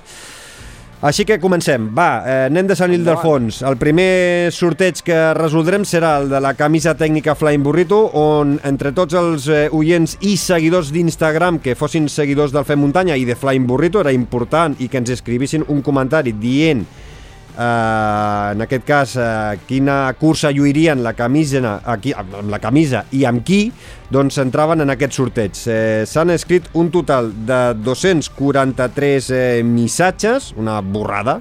Molts, molts, una bogeria. Sí, sí, no sé si és eh, rècord o no en aquests eh, 3 anys, però per nosaltres crec que és una autèntica animalada. Està, per, som, som un podcast modest, no, no ho negarem, així que som molts els que hi heu participat.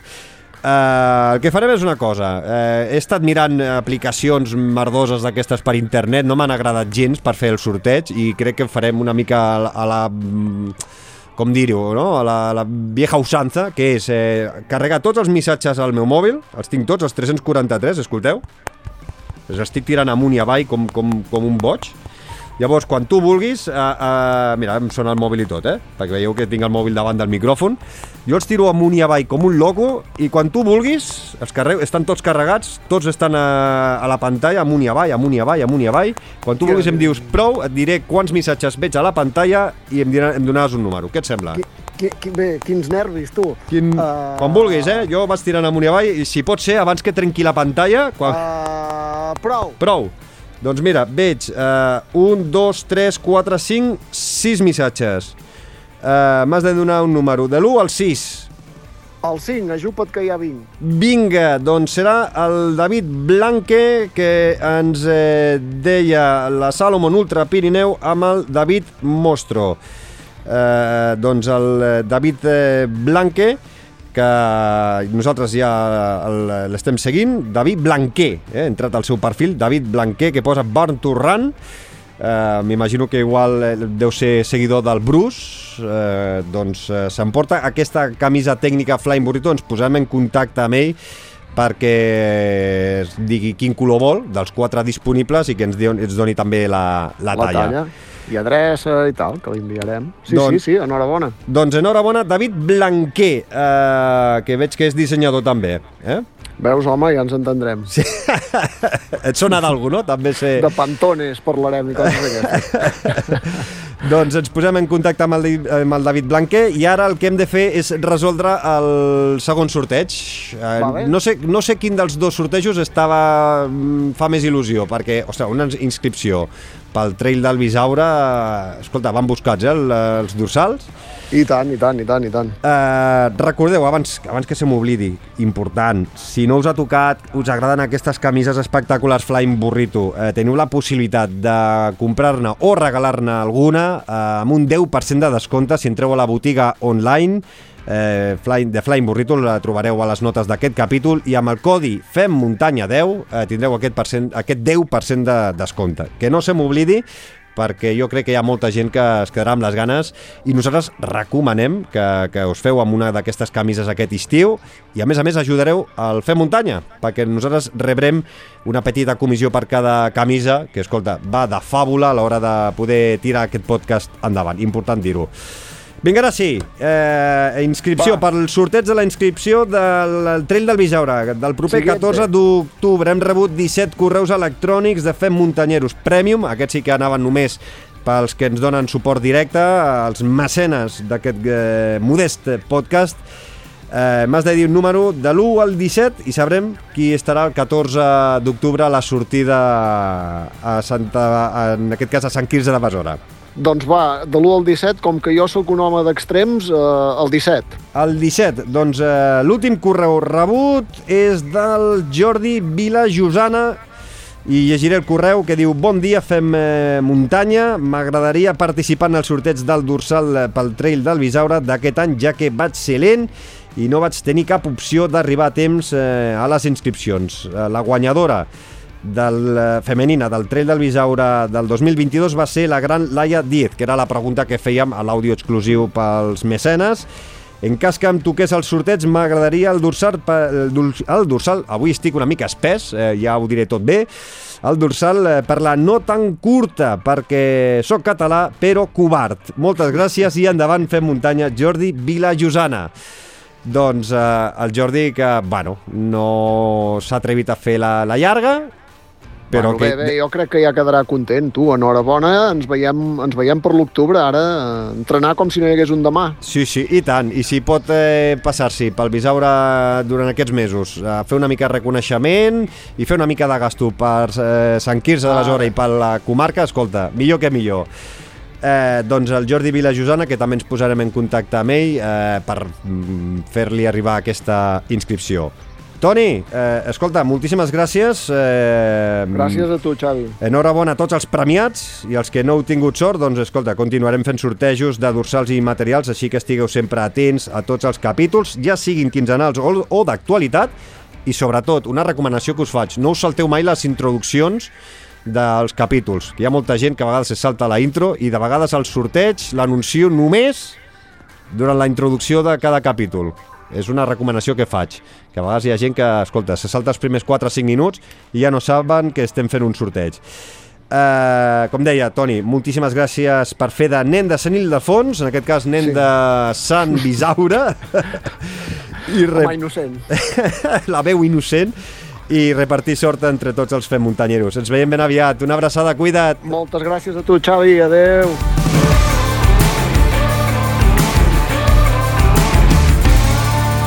Subscriu-te al podcast de Fem Muntanya.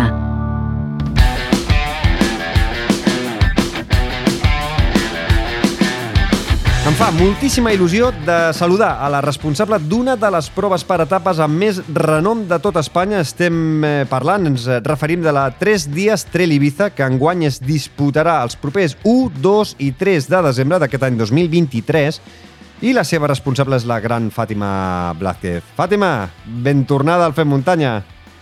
Hola, buenos días, Xavi. Mm, primer de tot, eh, de seguida parlem de la prova, però una de les principals novetats eh, pel que fa a la 3 dies Trail Ibiza és que col·laborarà durant els propers mesos amb el Fem Muntanya. Serà la primera cursa que donarà suport a aquest podcast de forma directa i un dels beneficiats sereu tots vosaltres també, tots els oients. Eh, de seguida us, explique, us expliquem eh, com us podeu beneficiar. Però primer de tot, Fàtima, per tots aquests eh, oients que no hagin estat mai, que no hagin escoltat mai eh, de la prova de 3 dies Trail Ibiza, explica'ns una miqueta què és i per què és diferent a la resta de proves per, per etapes. Bueno, yo creo que es un poco diferente porque al, al tener que venir casi todos los corredores de, fuera de la isla, pues se crea un ambiente de convivencia que, que, yo he vivido de mi etapa anterior como deportista, que a mí es la parte que más me gustaba de las vueltas por etapas, pues esa convivencia, que no sé, llegar a una carrera, corres y te vuelves para tu casa. Yo creo que los tres días trail mmm, creamos amistad, de hecho yo conozco ahora o puedo hablar con muchos corredores y la verdad es que yo estoy muy a gusto durante ese fin de semana y, y ya te digo, creo que creamos unos lazos de, de, convivencia y amistad que no se crea en otras pruebas. I a més a més, a part de l'amistat eh, entre corredors, entre organitzadors, entre voluntaris, molt important, eh, mm. Un altre de les eh, trets diferencials de tres dies Trail Ibiza és que està adaptada per tot tipus de corredors, pels que diguéssim que comencen en aquest tipus de proves, com pels que ja porten més temps practicant proves per, per, per etapes, de diferents, di eh, diferents dies consecutius, no? perquè eh, hi ha dies que hi ha només una distància, però el segon, el segon dia, la segona etapa, cadascú tria la distància que vol fer. Sí, sigue siendo pues, pues lo, lo, mismo. Buscamos que en un grupo de amigos puedan correr todos o que si es una pareja y, por decirlo así, la chica se quiere apuntar a la ultra y el chico se quiere apuntar a la E20, pues todos se puedan apuntar. Y, y se busca eso, que haya esa, esa unión y que no solo una prueba para los más élite o a la gente solo quiere distancias largas, sino que aquí todos están bienvenidos.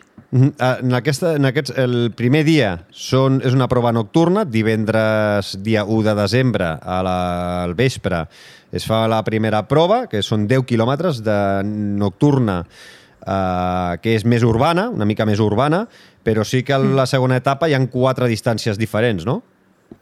Bueno, la primera etapa pues por todo el tema este de que al final las pruebas deportivas muchas veces dependemos de cada cuatro años de que qué va a pasar.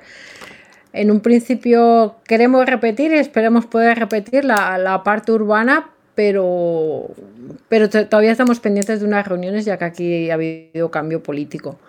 Y la segunda etapa sí que será igual. Eh, lo único que conseguiremos volver al pueblo de San José, que ya han acabado las obras.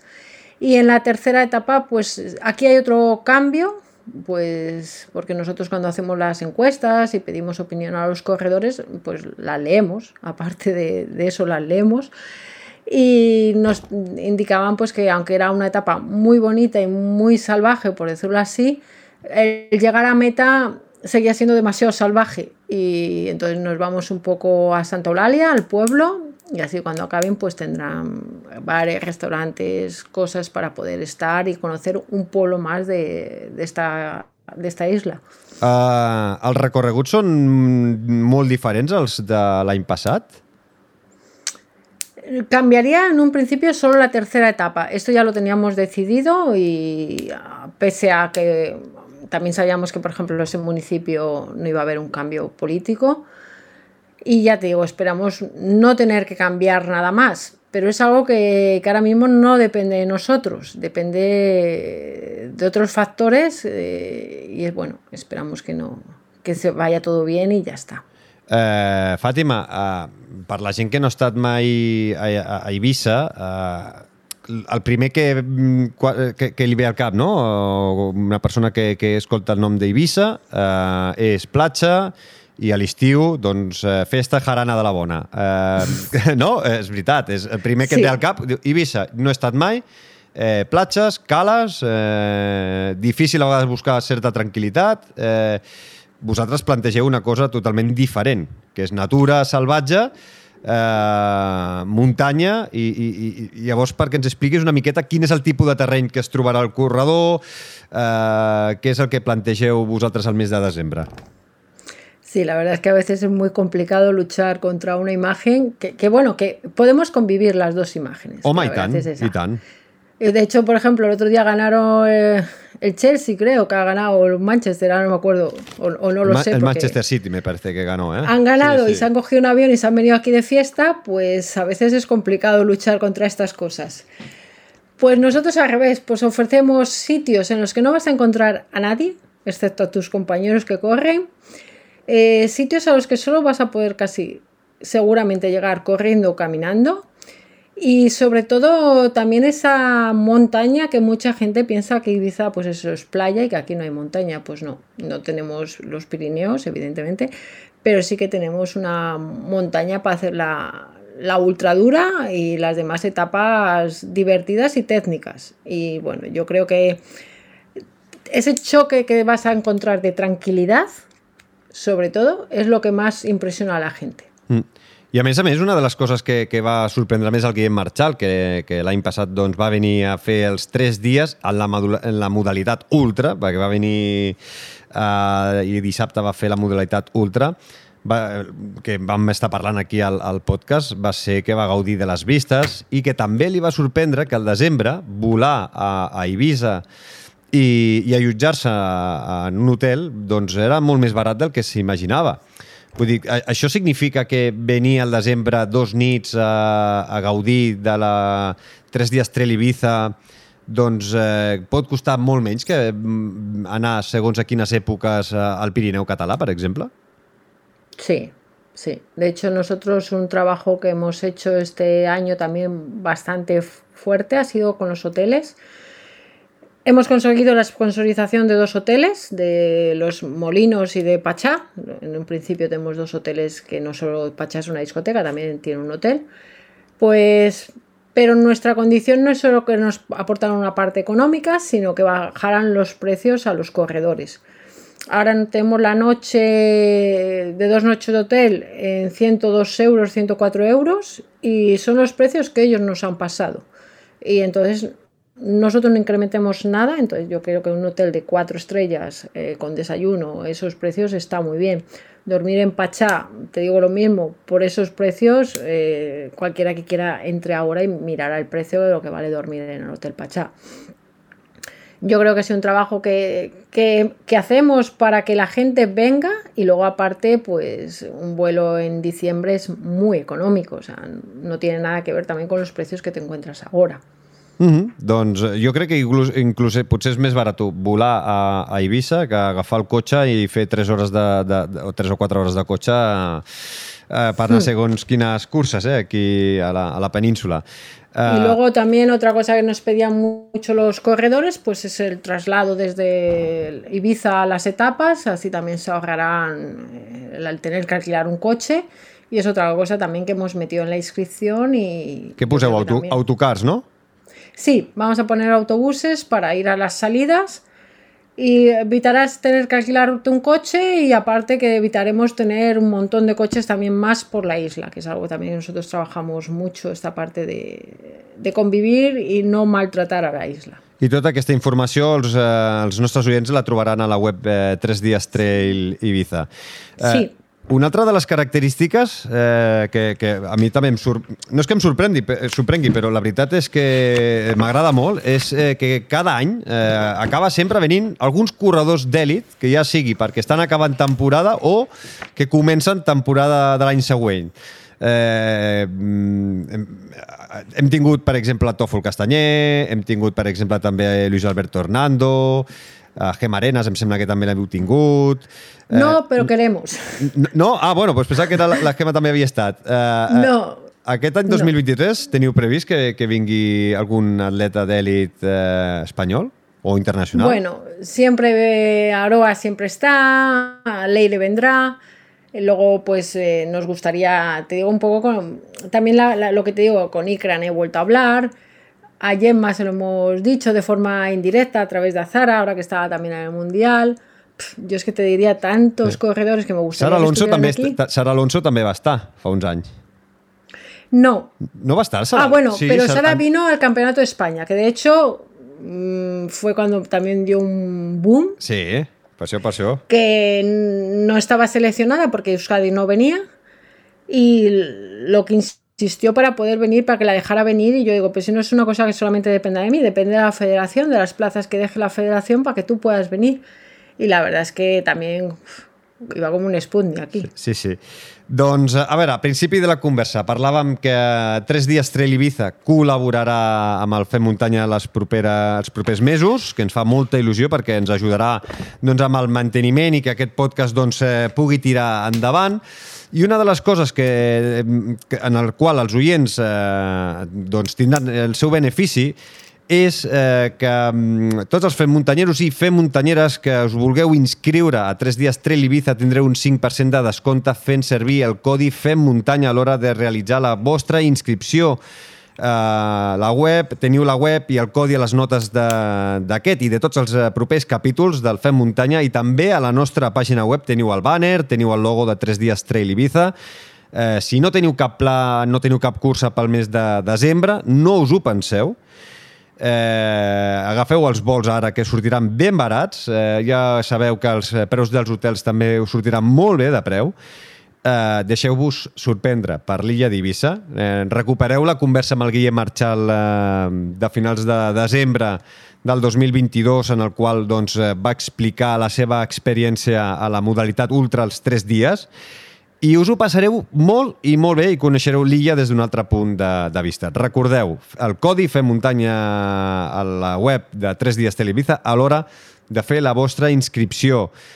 Nosaltres ja anirem avançant cosetes, no avancem-ho tot, però de ben segur que estarem rondant per Eivissa els eh, 1, 2 i 3 de, de desembre i estarem per allà. No sé si corrent, no sé si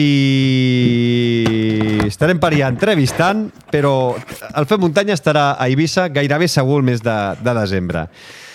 Eh, Fàtima Blázquez, moltíssimes gràcies per col·laborar amb nosaltres i anem parlant properament. Una forta abraçada, cuida't! Muchas gracias Xavi y os esperamos a todos aquí en Ibiza. Busca'ns i subscriu-te a qualsevol de les principals plataformes de podcast. Spotify, Apple Podcast, iVox, Google Podcast i moltes més.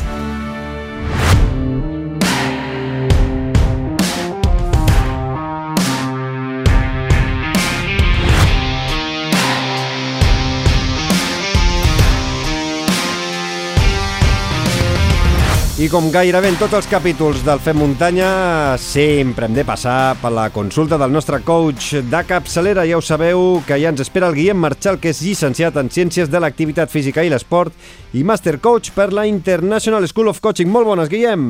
Molt bones, Xavi i família muntanyera. Avui, a veure, avui començo amb una pregunta una mica cabroneta, per posar-te una miqueta en guàrdia, eh? que ja saps que, que m'agrada eh, que m'agrada molt posar-te així a prova. T'agrada la teva feina? La pregunta no és cabrona, però tu una miqueta potser sí. Sempre, sempre s'ha de ser. Sí, sí, sí.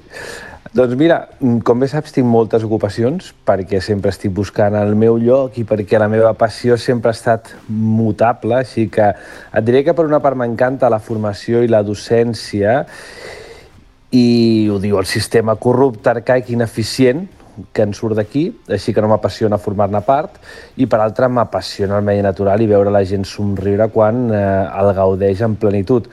Per tant, crec que estic en molt bon camí de poder ser on sempre he volgut ser. I ara m'has de deixar que et torni la pregunta a tu. A tu t'apassiona la teva? Juguem al ping-pong, no? Ara em passes la pilota a la meva banda.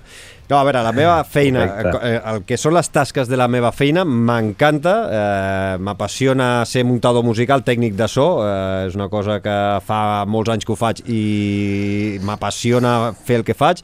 De vegades, el que menys m'apassiona és eh, tota la gent, no? No, no, no tothom no està sempre a gust amb, amb, amb la gent amb la que et volteges, no? Hi han coses que no m'apassionen gens com dius tu, no? el sistema arcaic que dius tu, que no, no, no podrit, en el meu cas no és, no, no és un sistema podrit, però sí que de vegades hi ha cosetes que no m'agraden, que detesto, però sí que com a feina m'apassiona i evidentment eh, fer el podcast que no és una feina sinó que és un hobby, que no em guanyo la vida fent el fent muntanya Uh, això sí que m'apassiona, m'encanta. Uh, si no, potser no estaríem acabant uh, no, el camí d'aquesta tercera temporada amb peus no, posant els ciments d'una quarta temporada. Uh -huh. Doncs llavors queda clar que tenim camí per recórrer per poder afirmar i assemblar-nos com com vam escoltar la setmana passada el Néstor Boigas, no? l'últim programa, que va poder fer de la seva passió la, la seva feina. Sí que és cert que, que ho va dir, però jo sempre havia escoltat eh? allò de que no facis del teu hobby una feina perquè acabaràs cremat o acabaràs cremant allò que t'agrada fer i vivint d'algú que, que ha deixat no? d'apassionar-te. Llavors, aquestes persones que t'han dit això els hauríem de preguntar si és millor fer de 8 a 12 hores diàries, eh, 5 o 6 dies a la setmana, d'una feina qualsevol, per tal de poder gaudir una miqueta al cap de setmana d'allò que t'apassiona i, i també hauries d'observar-les a veure si aquestes persones realment fan això que, que prediquen. Molt possiblement no, eh? És clar, probablement no. Per una banda perquè viuen des de la mancança pensant que si tothom es dediqués a allò que, que els apassiona no hi hauria espai per tothom i perdrien ingressos. I per l'altra banda per aquesta puta herència cultural que portem per culpa del nacionalcatolicisme que sempre ens ha venut la penitència com el camí per obtenir el que necessitem. Així doncs, aquestes persones que diuen aquestes merdes no practiquen amb l'exemple, però no volen eh, que ho fem nosaltres perquè si no els traiem mercat. I d'altra banda, nosaltres som tan imbècils que acceptem el patiment durant el 80% del nostre temps a canvi d'un 20% de recompensa. T'imagines tenir mal de panxa 18 hores al dia per tal de que eh, a la número 19 et donin una pastilleta que t'allotjarà les següents 4 hores i que a sobre et diguin que hauries d'estar agraït a sobre que hi ha una pastilla? Home, doncs, ostres, no ho havia vist mai així, eh? Realment és, és molt gràfic i, i, la, i al mateix moment aterridor, eh? Però mm, la pregunta que faig és per què s'actua així? Eh, per què es conforma la gent? Per què no es revela? I, I ho dic en general, però segurament també hauria de parlar per mi, segur. Perquè han acceptat la feina nutricional com a un mal menor per poder obtenir allò que volen perquè s'han cregut allò de que si no tens carrera i sis màsters no ets ningú i perquè han decidit vendre el seu temps en comptes de vendre el seu talent. I així, després de 40 anys d'aquesta democràcia que nos hemos dado entre todos, tenim milers d'estudiants que mai podran treballar d'allò que estudien i el consum d'antidepressius més gran de tot el món gairebé. El dubte que m'entra ara és què, què, què has volgut dir amb això de la feina nutricional? Mira, és, és un concepte que li vaig escoltar un conferenciant sobre emprenedoria que es diu Sergio Fernández i que us recomano que escolteu perquè aclariria eh, molt eh, de què parla quan parla d'aquesta manera eh, el Néstor Boigas de la seva feina, eh, però ell en aquest cas des d'un altre àmbit, i bàsicament significa que fas una feina amb l'única intenció de cobrir unes necessitats sense pagar-hi atenció i sense donar-li importància tal com menjar per cobrir la gana sense parar atenció al que t'endús a la boca. I tot i així no hi ha feina per tothom o no es cobreixen llocs de feina existents? Tot i així, hi ha milions de persones fent una feina que no els agrada i milers d'empreses que paguen per hores i no per talent, així que el club de, el cub de Rubik està completament desfet amb colors per tot arreu sense que encaixin eh, amb coherència. I com pot canviar aquesta constant? Perquè, pel que veig, eh, al meu voltant, això que dius és una constant en, en el món actual.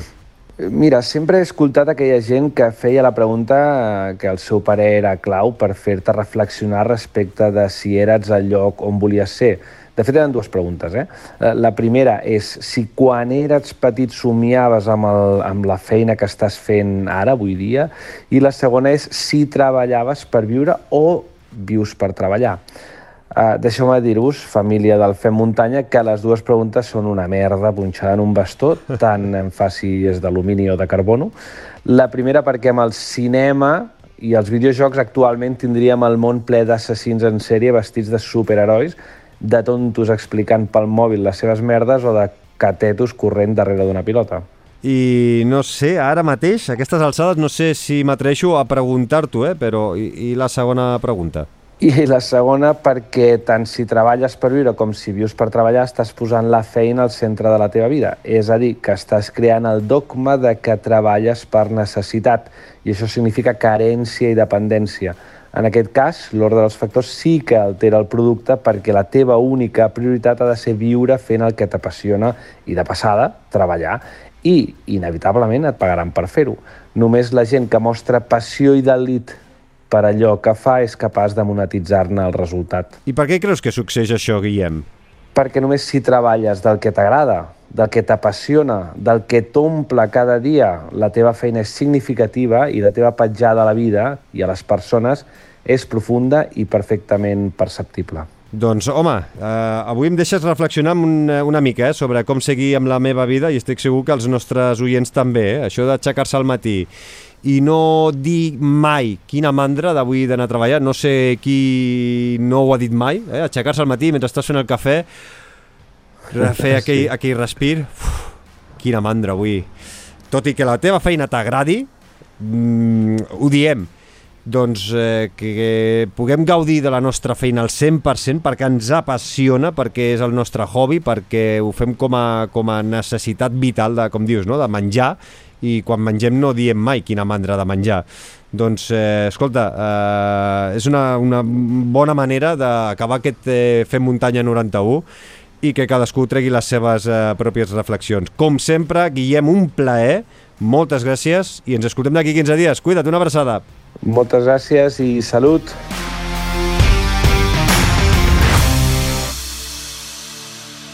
Envia'ns les teves opinions a través de Twitter, Instagram o del correu electrònic femmuntanya arroba femmuntanya.cat.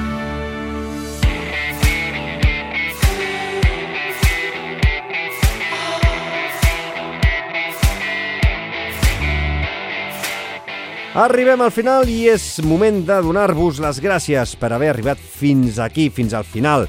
Si us ha agradat aquest capítol i és la primera vegada que ens escoltes, doncs recorda de subscriure't a la plataforma de podcasting que facis servir normalment com Spotify, Apple Podcast, iTunes, Google Podcast i moltíssimes altres. Activa les notificacions i ja qui ets, doncs també ens pots donar un eh, m'agrada, un like o 5 estrelles i compartir el capítol a les teves xarxes socials.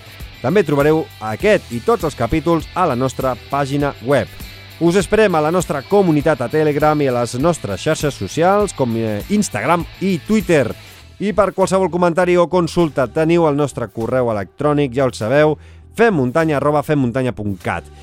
I acabaré, com sempre, agraint eh, tota la feina espectacular de tot l'equip que ha fet possible aquest capítol 91. El gran Guillem Marchal, el David Fuster, Vileia, la Fàtima Blázquez i també el Toni Font. Moltes, moltíssimes gràcies a tots per ser-hi. Una salutació de qui us ha parlat, Xavi Alujas, com sempre, un autèntic plaer. Tornem d'aquí a dues setmanes amb més històries i no us oblideu que cada setmana teniu l'actualitat amb l'Albert Torrent d'ultrascatalunya.com i el Robert Mercè amb tota la informació sobre la BTT. Fins llavors, gaudiu i sigueu molt feliços, amb salut seny i, sobretot, molta muntanya!